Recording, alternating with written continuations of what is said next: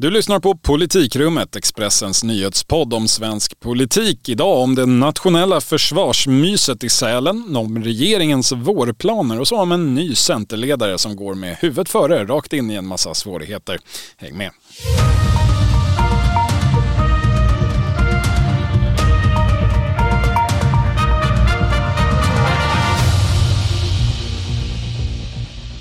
Det är torsdag den 12 januari och Sveriges ledande tisdagspodd Politikrummet gör årspremiär på en lite ovanlig tid. Jag heter dock, precis som i fjol, Viktor Bart Kron och du heter alltjämt Thomas Nordenskjöld. Hej! Halloj! Taggad på en ny säsong? Ja men verkligen fjärde säsongen är det väl, eller? Ja, det ska stämma. Säsong 4, avsnitt 56. Välkomna!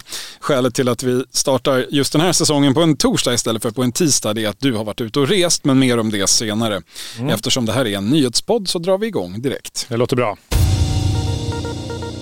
Det har varit mycket prat om paradigmskiften från den här nya regeringen som vi har. Det vill säga lite förenklat att ett dominerande tänkande utgår och ersätts av ett annat. Från början en vetenskaplig term det där. Det brukar vara migration och kriminalitet man syftar på och politiken där.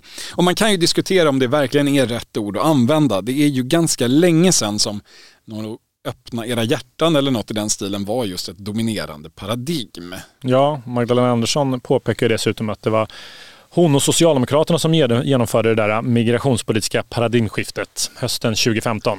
Ja, och i någon mån så har hon ju rätt om man nu kan genomföra ett paradigmskifte överhuvudtaget. Det blir lite semantiskt det där och det finns naturligtvis massor av politik som den nya regeringen kan och vill förändra eh, radikalt på de områdena som vi pratar om här. Mm. Men ett område där det verkligen har skett just ett paradigmskifte, eh, eller egentligen sker, vi är mitt uppe i det, det är ju försvarspolitiken. Ja, men det kan man verkligen säga. Ja, och för ett år sedan så blev man ju fortfarande utskälld av försvarsminister Peter Hultqvist i tv och anklagad för att vara en nationell säkerhetsrisk och man ville lyfta frågan om att eventuellt kanske någon gång i framtiden överväga att gå med i NATO. Just så. Idag är läget som bekant eh, något annorlunda. Ingen pratade så mycket om det eh, i valrörelsen eller i regeringsbildningen. Det fanns ju ingen direkt konflikt. Men när framtidens historiker summerar 2022 och Magdalena Anderssons tid som statsminister, ja då kommer det ju heta att hon valdes. Hon lämnade in en ansökan till NATO och avgick. Ja. Eh, och, skälet till att jag tar upp, ja, och skälet till att jag tar upp det här just idag, det är förstås att du Thomas igår kom hem från Sälen och Folk och Försvars årliga rikskonferens. Ja, precis så. Med alla toppolitiker och toppmilitärer på plats i snön. Den första konferensen i det nya paradigmet, hur märktes detta? Ja, men alltså det man slås av är ju den här liksom totala avsaknaden av politisk konflikt. Alltså alla partier står idag bakom det här målet om att vi inom kort ska satsa 2% av BNP på försvaret. Och det är ju faktiskt något nytt. Alltså, det är från höger till vänster. Även vänsterpartisterna talar sig varma om detta. Jag skulle säga, det var inte fullt så länge sedan som vi satsade 1% av BNP på försvaret och inte bråkade om det heller. Ungefär så. Verkligen. Och även de två NATO-kritiska partierna, alltså Vänsterpartiet och Miljöpartiet, är väldigt nedtonade i sin NATO-kritik. Eh, tydligt. Alltså nu är ju i och för sig Folk och Försvar även annars en rätt hövlig tillställning med liksom politiker, militärer och kungahus på plats som sitter och applåderar varandra. Men, men det brukar ändå finnas en, åtminstone en sur ÖB som sitter och knyter näven och inte riktigt kan dölja att han är svinförbannad på försvarsministern mm. Eh, över att ord och politik inte eh, riktigt hänger ihop. Och så brukar det tjafsas om vems fel det är att försvaret bara kan stå pall en vecka och så vidare. Eh, och så NATO såklart, men icke. Nej, eh, det är klart, det är lätt att peka på en nationell samling i en svår tid, vilket det ju alldeles uppenbart är jo. med storkrig i Europa och annat elände. Verkligen eller vi kanske snarare ska kalla det för internationell samling för både NATOs generalsekreterare, norrmannen Jens Stoltenberg och deras eh, så kallade Supreme Allied Commander i Europa, alltså deras högsta militära befälhavare eh, på vår kontinent, Christopher Cavoli, var ju bägge på plats där och frotterade sig. Ja, så var det. Det var väldigt flott tyckte alla eh, svenska politiker, de flesta i alla fall. Och en som annars alltså, verkligen fungerar som en, någon form av stämningshöjare är ju, som jag noterade, är ju moderaten Hans Wallmark, riksdagsledamoten, eh, som ju leder nu då försvarsberedningen. Som ja, han fick det, ingen ministerpost, men han fick Nej, försvarsberedningen. Precis, och där alla partier ingår. De ska ju ha, ha ett rätt intensivt år framför sig. Mycket som ska pratas ihop där. Hans Wallmark är ju då är mer eller mindre bästis, i alla fall eh, vän med Håkan Juholt eh, vet jag. Och eh, även vänsterpartisterna tycker han är toppen. Alltså jag såg att de, de vitresta vänsterpartisterna satt och åt frukost med, med Wallmark och hade trevligt på Högfjällshotellet. Verkligen en eh, gammelsvensk samling det där. Sen kan man ju så, såklart alltid invända och, och, fråga sig om det här med total politisk enighet verkligen är så bra. Det tenderar ju att föra frågor av dagordningen och kanske eh, maskera underliggande konflikter som sen ligger där och bubblar. För någonting finns det väl? Jo men så är det eh, och jag får ju en rätt stark känsla också av att den här totala mysstämningen inte kommer att bestå. Alltså man inser till exempel att man kan räkna till 2% på rätt olika sätt. Alltså man, ja, men alltså man kan baka in rätt mycket i de där 2 procenten, alltså massa myndighetsanslag och pensioner och annat som då tränger undan inköp av ubåtar och vapensystem som tenderar att kosta. Alltså Finansdepartementet, eh, tror jag, vi får väl se, och kanske en del till vänster, lär vilja räkna in mer i de där 2 procenten än vad ÖB gör och vill göra. Alltså, om man säger så. Ja, då har vi, ett, eh, då har vi någon form av skiljedomstol i, i, NATO då kanske i framtiden mm. som får eh, lösa ut det där. I vilket fall, det ska ju sägas att inte riktigt alla bidrar till det nationella samlingsmyset. Morgan Johansson, till exempel. Tidigare justitieminister, numera utrikespolitisk talesperson för Socialdemokraterna och en typ av politiker som skulle kunna starta storbråk ensam i sin garderob eller på en öde ö. Mm. Du träffade honom i Sälen Thomas och det var samma gamla Morgan som vanligt. Ja, alltså han var ju arg och väldigt besviken på regeringen som lät sig hunsa så av Turkiet. Alltså hans eh, budskap var väl i princip att eh, hade han bara fått eh, vara minister och bestämma så hade han åkt till Ankara och skällt ut Erdogan och så hade saken varit klar. Vi hade fått gå med på direkten i NATO. Eh, eller egentligen tycker han inte ens att vi ska åka till Ankara mer. Skyt, skytteltrafikdiplomatin måste få ett slut, sa han. Ja, det, det är ju alltid svårt med alternativ historieskrivning. Det, han kan förstås ha rätt. Men ett annat alternativ hade ju kunnat vara att lösa det här med NATO-medlemskap innan frågan blev akut och förhandlingsläget därför uselt. Men jag vill minnas att just Morgan Johansson och hans parti inte var särskilt intresserade på den tiden. Nej, och allra minst Morgan Johansson som väl eh, sägs ha kämpat emot in i det sista. Eh, eh, och... Till och med eh, efter Peter Hultqvists eh, försvarslinje. Ja, men jag tror det. så. Eh, och, men annars kan man väl liksom eh, konstatera också att Morgan Johansson och utrikesminister Tobias Billström inte direkt älskar varandra. Alltså det, just i det här fallet så valde för sig Billström att vända andra kinden till. Men jag har hört att Ardalan Shekarabi, partikollega med Morgan Johansson, då, sprungit med på UD och fått prata Iran än vad Morgan Johansson har blivit inbjuden till. Ja, god stämning i försvarspolitiken men, men väldigt dålig då i utrikespolitiken om man nu mm. kan göra en sån åtskillnad. Vi, vi, kan ju minnas bakgrunden här att Tobias Billström, dåvarande gruppledare, beskrev Morgan Johansson som en lögnaktig kanalje i samband med misstroendeomröstningen mot Johansson då i egenskap av justitieminister förra sommaren. Så nej, de två firade förmodligen inte jul ihop. Nej, de gjorde nog inte det. Eh, och, eh, alltså, men man kan ju konstatera att alltså, Morgan Johansson är rätt ensam här. Eh, och det finns ingen som helst, som jag ser det, liksom, eller som jag bedömer det, vilja från Magdalena Andersson och Peter Hultqvist att ta konflikt om vare sig NATO-processen eller försvaret. Alltså, vi får väl se om, eh, liksom, eller det är svårt att säga här tycker jag, Morgan Johansson agerar på helt eget bevåg eller utsänd som någon form av konfliktskapare. Någon som får glädja de få Eh, kvarvarande gräsrötterna som mm. Eh, minns den förra utrikespolitiken eh, i socialdemokratin. Kanske. Jag tror att det är rätt mycket eget bevåg där, men jag vet inte. Ja. Om man inte har något annat att bråka om så brukar man ju ändå kunna bråka om pengar. Ja, och det är ju faktiskt en sak som det med liksom säkerhet kommer bli bråk om framöver. Eh, alltså hur, hur man ska finansiera den här utbyggnaden av försvaret. Alltså eh, Socialdemokraterna och såklart även eh, skattehöjande vänsterpartister, ja, men de, de vill ju gå fram med skattehöjningar för att finansiera hela, hela det här. Och, Socialdemokraterna har ju också sedan, tid, sedan en tid pratat om den här beredskapsskatten, om du minns. Ja, ja, det är svårt att glömma. De pratar ju ofta om det, men de gör ju inte så mycket. De har ju inte preciserat den här skatten verkligheten. trots att de har haft möjlighet att eh, lägga en helt egen skuggbudget i höstas till exempel. Mm. Där hade man kunnat tänka sig att en sån sak skulle vara med. Men eh, den, den fortsätter att vara väldigt abstrakt, ett slags Schrödingers beredskapsskatt. Ja, och det här tycker jag, alltså man kan faktiskt ana tycker jag nu en viss intern frustration i Socialdemokraterna över att Magdalena Andersson inte vågar bedriva någon ekonomisk politik som ens har spår av, av vänsterinslag.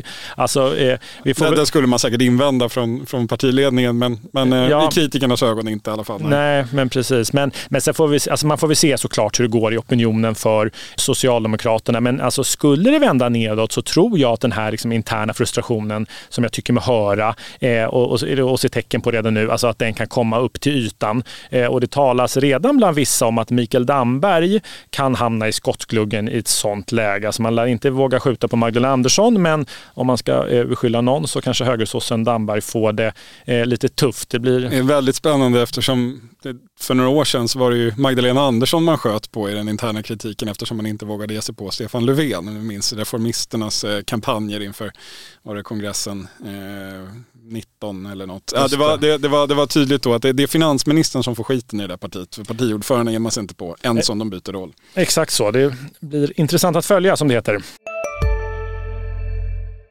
Har du också valt att bli egen? Då är det viktigt att skaffa en bra företagsförsäkring. Hos oss är alla småföretag stora och inga frågor för små. Swedeas företagsförsäkring är anpassad för mindre företag och täcker även sånt som din hemförsäkring inte täcker. Gå in på swedea.se företag och jämför själv.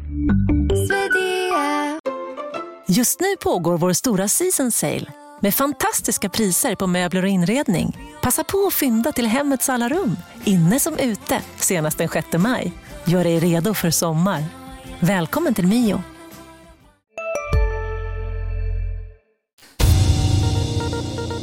Jag har en liten spaning här, eller eh, kanske snarare något slags aning eller en vag mm. känsla av att det kanske möjligen har vänt en smula för regeringen efter den rätt stökiga höst som var. Det känns i alla fall som att man har varit Eh, relativt sett snabb eh, upp ur startblocken här efter helgerna. Det är grejer varenda dag, ibland flera gånger om dagen och det leder, eh, nu är året ungt, men min bild är att det leder till att den politiska debatten förs lite mer på regeringens villkor nu än vad som var fallet före jul.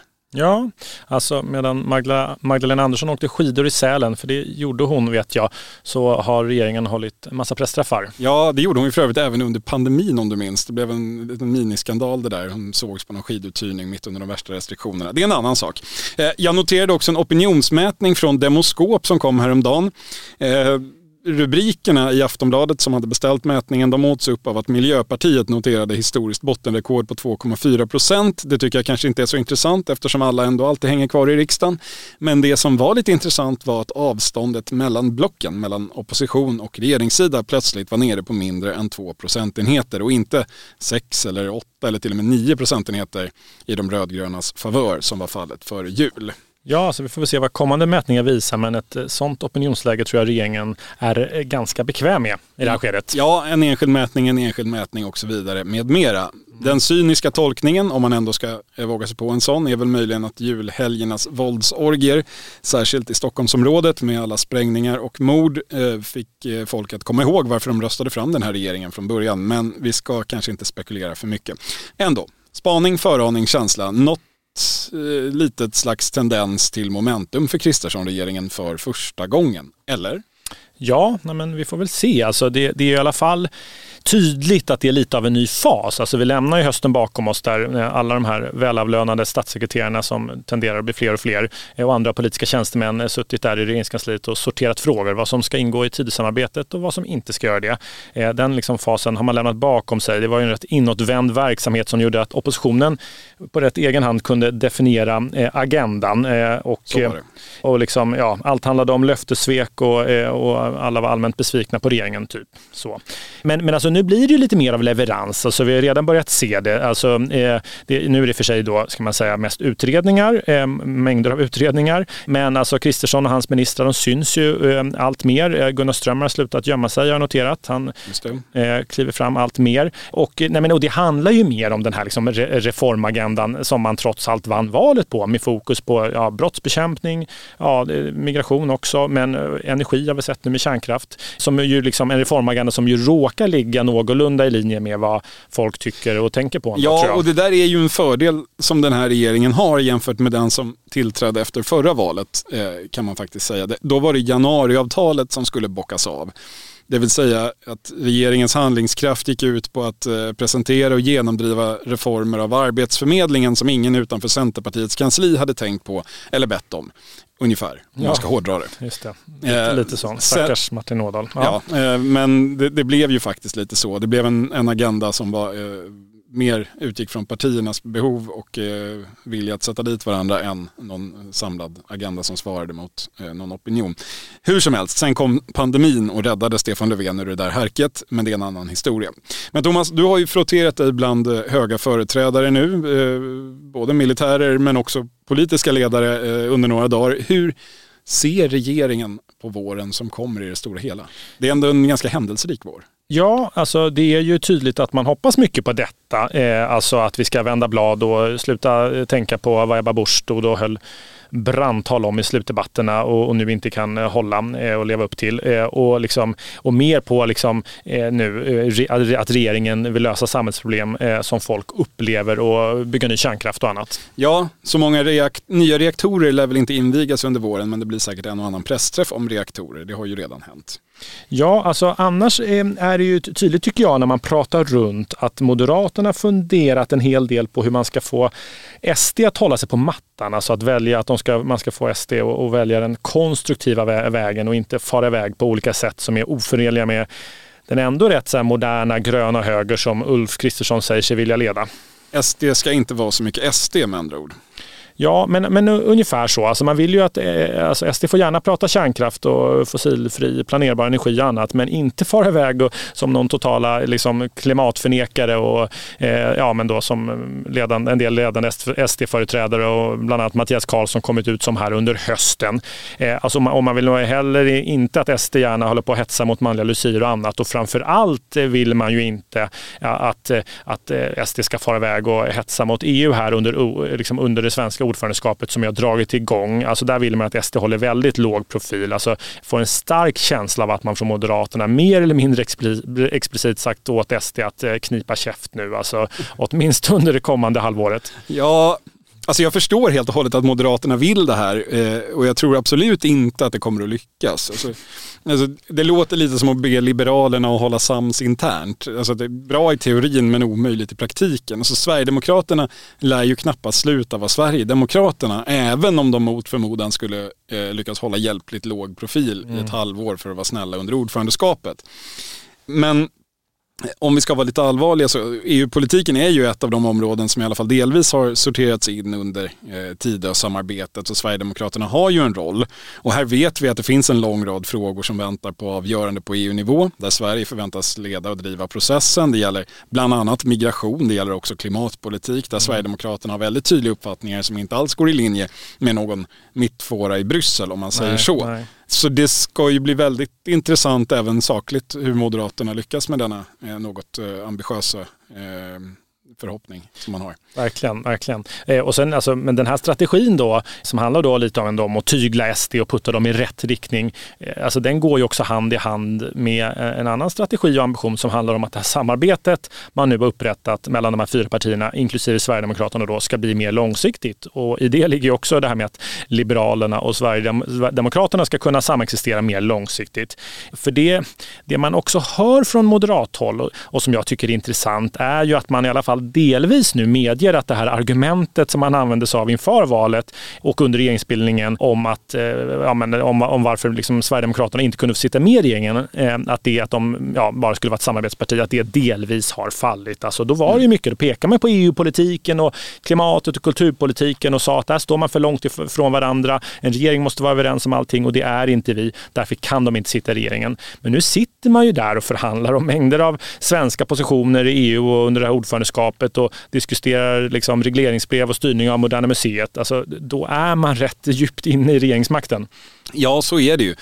Och det är ju sant att de argumenten man använde mot Sverigedemokraterna som regeringsparti i hög grad har fallit. Men då kan man ju också fundera på om det verkligen var rätt argument man använder sig av. Mm. Eh, det här att peka på, på åsiktsskillnader i vissa sakfrågor som ju Ulf Kristersson genomgående gjorde, inte bara i valrörelsen utan under flera år. Mm. Det finns ju andra argument teoretiskt sett för att hålla Sverigedemokraterna på viss distans från eh, de borgerliga partierna. Alltså, Sverigedemokraterna har företrädare, de har en helt egen medieflora som sitter och hetsar mot andra politiker, bland annat i partierna som de samarbetar med. Mm. Eh, de hade en ryssvänlig foliehatt i försvarsutskottet som sent som i våras. Han var dessutom den andra. Kent Ekeroth är fortfarande aktiv i partiet med allt vad det innebär och så vidare. Det finns ju saker att ta på här eh, som man skulle kunna eh, använda som argument för, för att eh, Sverigedemokraterna inte är redo att sitta i regering. Men det har Ulf Kristersson inte gjort Nej. och inte de runt honom heller och det gör det såklart svårt att komma dragandes med det nu. Kan man tänka sig. Ja, jo. Och sen, alltså, och sen vill jag också vara tydlig med att eh, alltså, det, jag får inga eh, liksom, signaler och det finns inget som tyder på att eh, någon regeringsombildning är, är nära förestående. Det kommer inte ske under mandatperioden. Det, det, skulle jag, att de skulle våga sig på det, det känns inte så, så troligt. Men, men, men Jimmie Åkesson är ju tydlig med att han anser att liksom, det, nuvarande, det nuvarande samarbetet det är en parentes och att SD ska in i regeringen senast om fyra år, alltså efter nästa val. Alltså nu verkar ju för sig statsministern statsministern redan eh, tänka på, sitt, på, sin, på sin regering som, som någon form av eh, majoritetsregering. Det var i alla fall så det lät när han lät sig intervjuas i DN under julhelgen. Ja, han refererade till, till, eh, sin regering som en majoritetsregering. Det var väl någon slags freudiansk felsägning. Jag antar att han syftade på att han hade ett majoritetsunderlag för första gången på 12 år, men i praktiken hade han ju rätt. Ja, och, ja men det, verkligen. Och det sätter faktiskt också det där uttalandet eh, som ändå eh, var lite anmärkningsvärt, även om det bara var en felsägning, så sätter ju fingret på liksom en, en akademisk diskussion som jag uppfattat är under uppsegling. Alltså, statsvetare jag pratar med tycker att det här sättet att styra landet som de här fyra partierna gör med ett eh, SD-kansli in i regeringskansliet som sitter och utövar inflytande över sånt som brukar vara förunnat en regering. Menar att det är rätt udda och också problematiskt eftersom det blir svårt att med ansvarsutkrävande i riksdagen och annat av de här SD-tjänstemännen som sitter i regeringskansliet eh, och som i praktiken har, har, har mer makt än många, eh, än många ministrar. Alltså det, eh, ja, jag ska inte förvandla detta till någon form av statsvetenskapligt seminarium eh, men kan ändå inte helt låta bli som gammal statsvetare. Alla är vi statsvetare innerst inne. Vissa är det även på pappret. Eh, spännande ämne hur som helst. Ja, och hur som helst så är det ju liksom uppenbart tycker jag att det, är viktigt för Moderaterna var, var Sverigedemokraterna tar vägen och att det här, liksom, det kommande, det här kommande halvåret av ordförandeskap och kanske kommande året blir ja, lite av ett test ändå. CSRD, ännu en förkortning som väcker känslor hos företagare. Men lugn, våra rådgivare här på PWC har koll på det som din verksamhet berörs av. Från hållbarhetslösningar och nya regelverk till affärsutveckling och ansvarsfulla AI-strategier. Välkommen till PWC.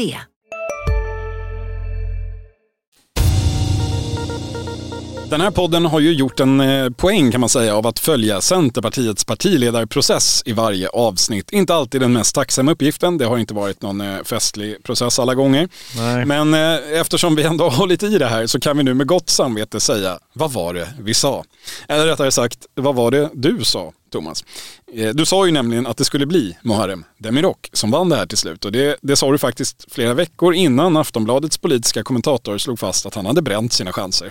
Ja, ja och det här var ju faktiskt ändå lite svårare att förutse än Magdalena Andersson. Eh, så ja, inte... det var, det, den kan vi inte ta på oss. Nej, nej. nej. nej men eh, eh, inte helt missnöjd är jag faktiskt. Nej men, eh, nej, men det här med att eh, Muharrem Demirok sen gick runt och skallade två personer i sin ungdom och unga vuxentid gjorde ju ändå processen mer öppen på slutet än den annars hade varit, tror jag. Ja, det kom ju fram att han är dömd för att ha skallat två personer i alla fall. Hur många han har skallat utanför rättssystemets eh, häng ska vi kanske inte slå fast eller nej, spekulera i. Nej, nej, vi lämnar den diskussionen.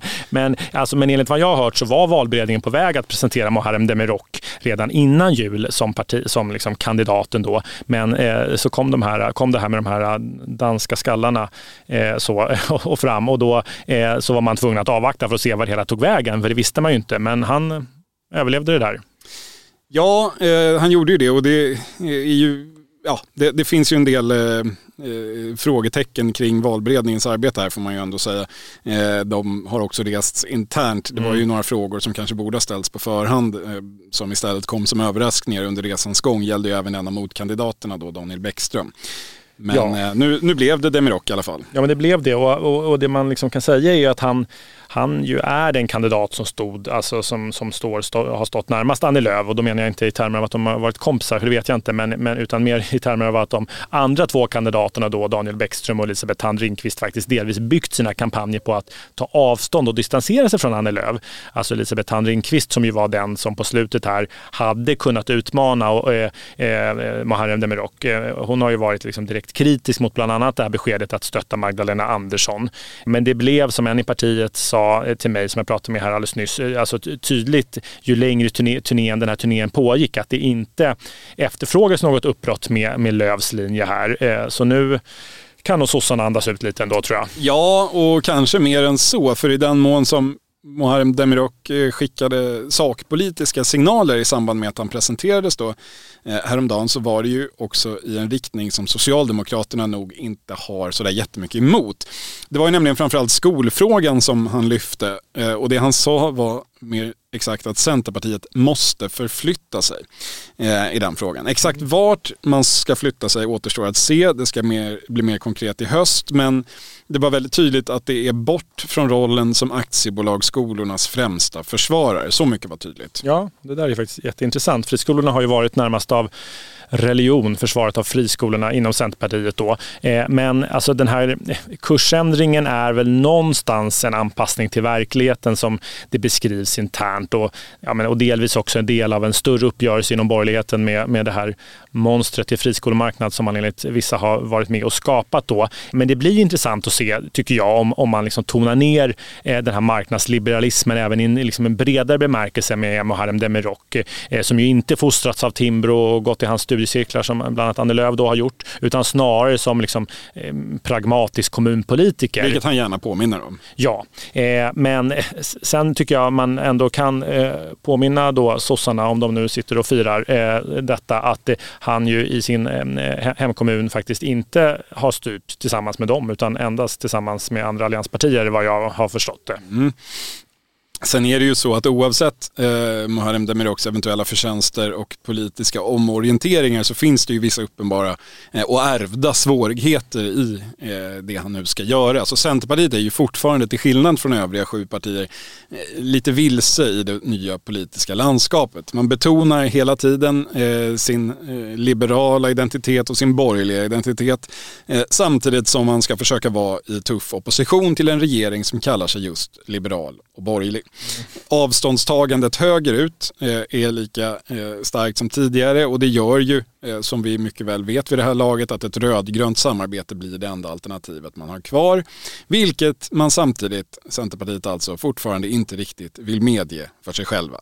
Och nu är det Demiroks tur att försöka lösa upp den knuten. Ja, det har inte varit en helt enkel position som partiet har intagit. Alltså, eh, sen ska det bli intressant tycker jag att se nu vilka han tar in runt sig. Strateger, eh, det är partisekreterare och kommunikationschefer och annat. För det har ju, anses ju annars ha varit en av Annie Lööfs stora brister faktiskt. Att eh, alla rutinerade flydde, flydde riksdagskansliet. Så vi får väl se om de vågar sig tillbaka nu. Ja, och jag ska säga det att egentligen så är det ju i, i den här positionen som Centerpartiet mer eller mindre medvetet har satt sig, den är ju inte konstig i sig. Att ett partisystem som vårt har ett liberalt parti som samarbetar vänsterut, det är, det är en logisk position, det är en roll som finns i de flesta jämförbara länder. Det konstiga här är väl att det blir just Centerpartiet, ett traditionellt intresseparti för jord och skog och transporter och andra näringar eh, som inte älskar Miljöpartiet och allt de står för. Alltså, det är väl här kärnan i problemet ligger. Att det, det vänsterliberala partiet i länder som vårt är i regel ett storstadsparti, mm. demografiskt mer likt Liberalerna, men mm. sånt vill ju Centerpartiet absolut inte höra talas om utan i Demiroks uppdragsbeskrivning är också att vi är tillbaka landsbygden. Annars jävlar.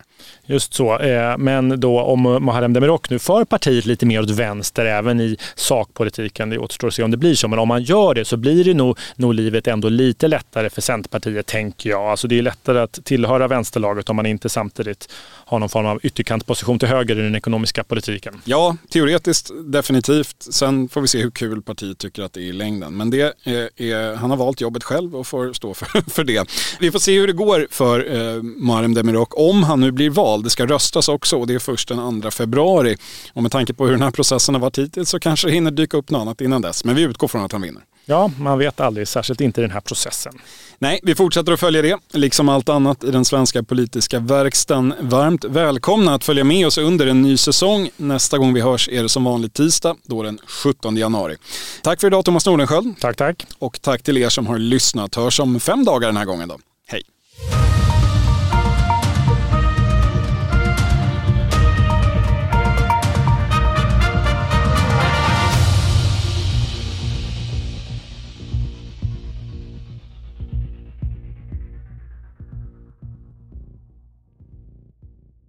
Du har lyssnat på en podcast från Expressen. Ansvarig utgivare Klas Granström